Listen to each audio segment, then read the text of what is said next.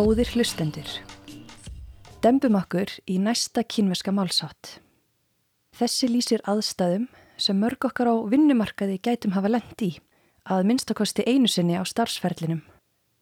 Þetta tjöngju eða kínverski málsáttur er notaður til að lýsa fólki sem lítur stort á sig og skýtur öðrum skelk í bringu vegna stöðu sinnar í skugga einhvers sem er valdamikill. Þetta er sagan um revin og tígurinn.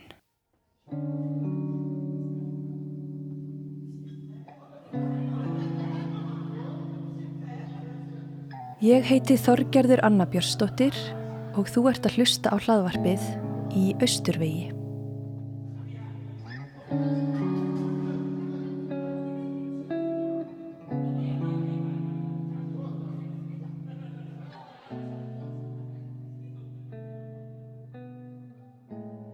Fyrir þennan málsátt þurfum við, eins og svo oft áður, að ferðast aftur á tímabil hinn að stríðandi ríkja, setni helming austur Joe Veldisins, en ansi mörg máltæki rekja rætur sínar frá þeim tíma.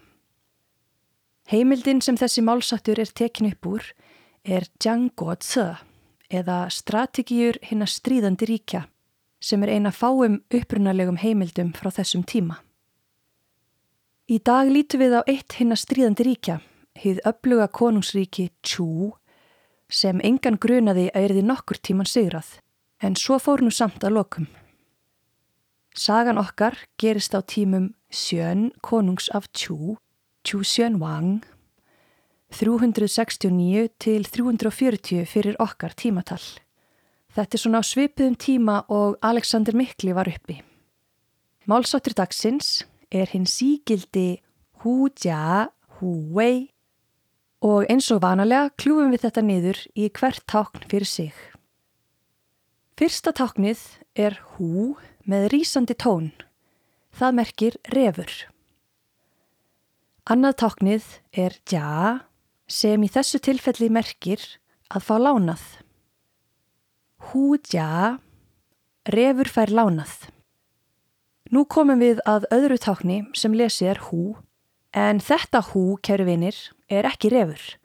Þetta hú er með þriðja tóni, hú, og merkir því tígur. Hú er refur, en hú tígur. Fjörðatáknið er wei, sem þýðir styrkur, máttur eða jafnvel orðstýr. Hú wei er því máttur tígursins. Þegar við skellum þessu öllu saman fáum við út refur, fá lánað, tígur, máttur. Nú eru þið eflust mörg búin að átta ykkur á samhenginu og geti kannski giskað á merkingu þessara fjögur að tákna þegar þau standa saman. Eins og með öll tjöngi er æfagumul saga á bakvið þennan og sagadagsins gerðist fyrir meira en 23 öldum síðan. Chu Xuanwang, sjön konungur af Chu, var að velta því fyrir sér einn daginn hvers vegna fólkið í norðri, í Han, Wei og Qi, ótaðist svo mjög einn af hershauðingum hans, Zhao Xixu. Honum bárust sífælt sögur af þessu, hvernig fólk var döð skelkað við þennan tiltekna hershauðingja. Svo hann spurði ráð þeirra sinn, Jiang Yi, út í málið. Svona spurningum þurfti að svara gætilega svo að Jiang Yi reyndi að vera nærgætin og notaði dæmisögu úr dýraríkinu til samlíkingar. Hann hóf frásögnina á því að einu sinni var refur sem einn daginn gætti sín ekki nógu vel og tígur lættist að honum og læsti í hann tönnunum. Refurinn grátt bað sér vægðar og sagði við tígurinn að það væri nú ekki ráðlegt að borða hann. Tígurinn svaraði, nú já, og hvers vegna ekki? Refurinn svaraði, þá ert að storka sjálfum guðunum sem hafa útnemt mig höfðingja skóarins. Þegar refurinn sá evasemdar blikið í augum tígursins, held hann áfram. Þú mátt sko óttast reyði þeirra ef þú dirfist að borða mig. Sleftu mér og sjáðu sjálfur hvernig guðurnir hafa veitt mér vald og hvernig öll dýrin í skóginum skjálfa af ótta um leið og ég byrtist. Tígurinn hugsaði málið og ákvaða að taka enga óþarfa áhættu. Svo hann slefti refnum og eldi hann á hælunum í gegnum skógin til að sjá hvort á þessar stóru yfirlýsingar hans stæðust. Og mikið rétt. Hvert sem þeir fóru, flúðu spendir, fugglar og skriðdir í ofbóði um leið og þau komu auga á refin. Þetta var sannarlega sjónarspil að sjá refin ganga um skógin með höfuði hátt og tígurinn rétt á eftir honum þar sem refurinn virtist arka valdsmannslega um með umbóð guðana. Hann var stórstígur og leta líta út gagvar tígrinum eins og dýrin væru sannarlega að flýja hann. En þið geti giskað á réttu ástæðina. Tígurinn veitti refnum nána eftirfyllt eins og lífvörður og var alveg við skottið á honum. Hann ætlaði sko ekki að láta þessa hugsanlegu máltið stinga af. En hann komst ekki hjá því að sjá viðbröð allra dýrana sem letu sig hverfa við fyrstu sín refsins. Tígurinn áttaði sig enga veginn á því að augu dýrana væri á honum og hann ástæði þess að þau flýðu. Tígurinn sagði óavitandi þessu við refin. Þú ert svo sannarlega magnaður. Ég trúi því varla hvað dýrin óttast þið mikill. Guðirni hljóta í alveru að hafa útnemt þig sem leiðtúa svæðisins. Ég neyðist víst til þess að sleppa þér og fara mína leið. Ráðherran, hann Jangi, andvarpaði og sagði við sjön konung. Sjáðu til, herfóringin Zhao Sisu sem fólki fyrir norðan óttast svo mikill, hann er refurinn. Og hinn upplugi hér konungs sem Zhao Sisu stýrir er í hlutverki tígursins.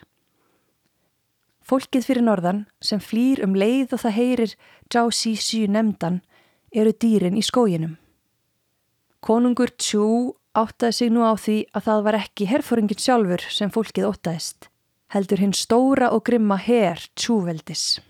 Zhao Sisu gæti bara spila sér stóran og valda mikinn af því að hann styrði þessum svakalega her sem hafði á sér rosalegt bardaga orðspor. Að nýðast á einhverjum í ljósi stöðusinnar með öflugan bakhjarl er það sem þessi kínveski málsattur fjallar raunverulega um. Ef þú ert til dæmis með dónalegan yfirmann sem er í raun og veru ekkert merkilegur en stjórnast í þér af því að bróðir hans eða sýstir eru eigandi fyrirtækisins, þá er það skýrt dæmi um húdja, húvei. Sumuleiðis, rítari eða aðstóðarmadur sem er alltaf að valda þér vandraðum af því að þau vinna fyrir frægan pólitíkus eða stórstjörnu. Húdja, húvei. Hverjum sem er, venjulega einhver sem er smásálarlegur eða illkvittin, má lýsa með hu jia hu wei ef þau er að nota völd annara til að sína yfirgang eða þvinga aðra til að þóla allskins kúun. Þetta má líka nota í geopolítisku samhengi til að lýsa ríkjum sem stjórnast í öðrum ríkjum af því að þau eiga uppluga bandamenn. Hu jia hu wei. Svo sannarlega gamal frasi. Refurinn fær mátt tígursins að láni. Ég vona að þessi greipist vel í minni ykkar til notkunar í framtíðinni. Og ef einhvert ykkar er með svona húdja húvei típu í lífi ykkar, eigi þið mína dýfstu samúð. Það er ekki fleira í þætti dagsins, en við snúum fljótlega aftur með nýtt tjöngju og góða baksögu.